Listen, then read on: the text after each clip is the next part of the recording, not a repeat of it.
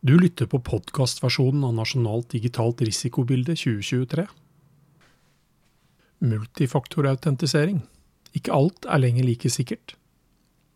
Det er flere problemer knyttet til bruk av passord som den eneste faktoren for tilgang til kontoer. En angriper kan da lese av passordet ved å fysisk stå bak brukeren, lure brukeren til å oppgi passordet via phishing, som f.eks. anvender nettsider som ligner på den ekte nettsiden, gjenbruke passord som har kommet på avveie, og anvende automatiserte verktøy for å gjette passordet. Å anvende totrinnsautentisering er et godt steg i riktig retning fra å kun anvende passord til å autentisere med. Typiske eksempler på totrinnsautentisering er engangskode via en mobilapplikasjon eller over SMS.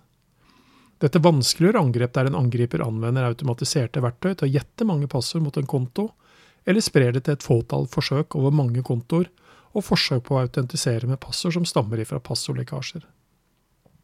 Derimot er ikke all multifaktorautentisering like sikker. Et eksempel er et push-varsel der bruker kan trykke ja eller nei på om det er den som forsøker å logge inn.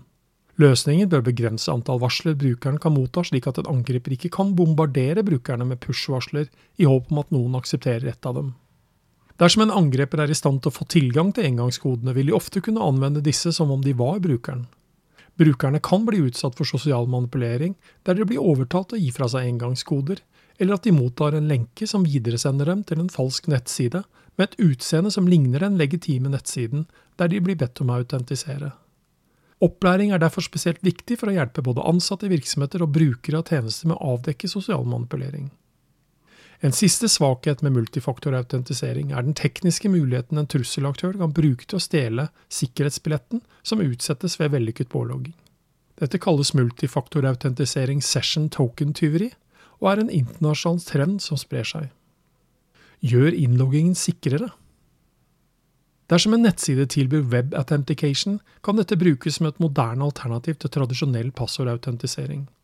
Web authentication er en spesifikasjon som åpner for at det kan lages en binding mellom brukersiden og nettsiden brukeren registrerer seg på. På brukerens side blir det lagret informasjon om hvilken nettside brukeren har en konto på.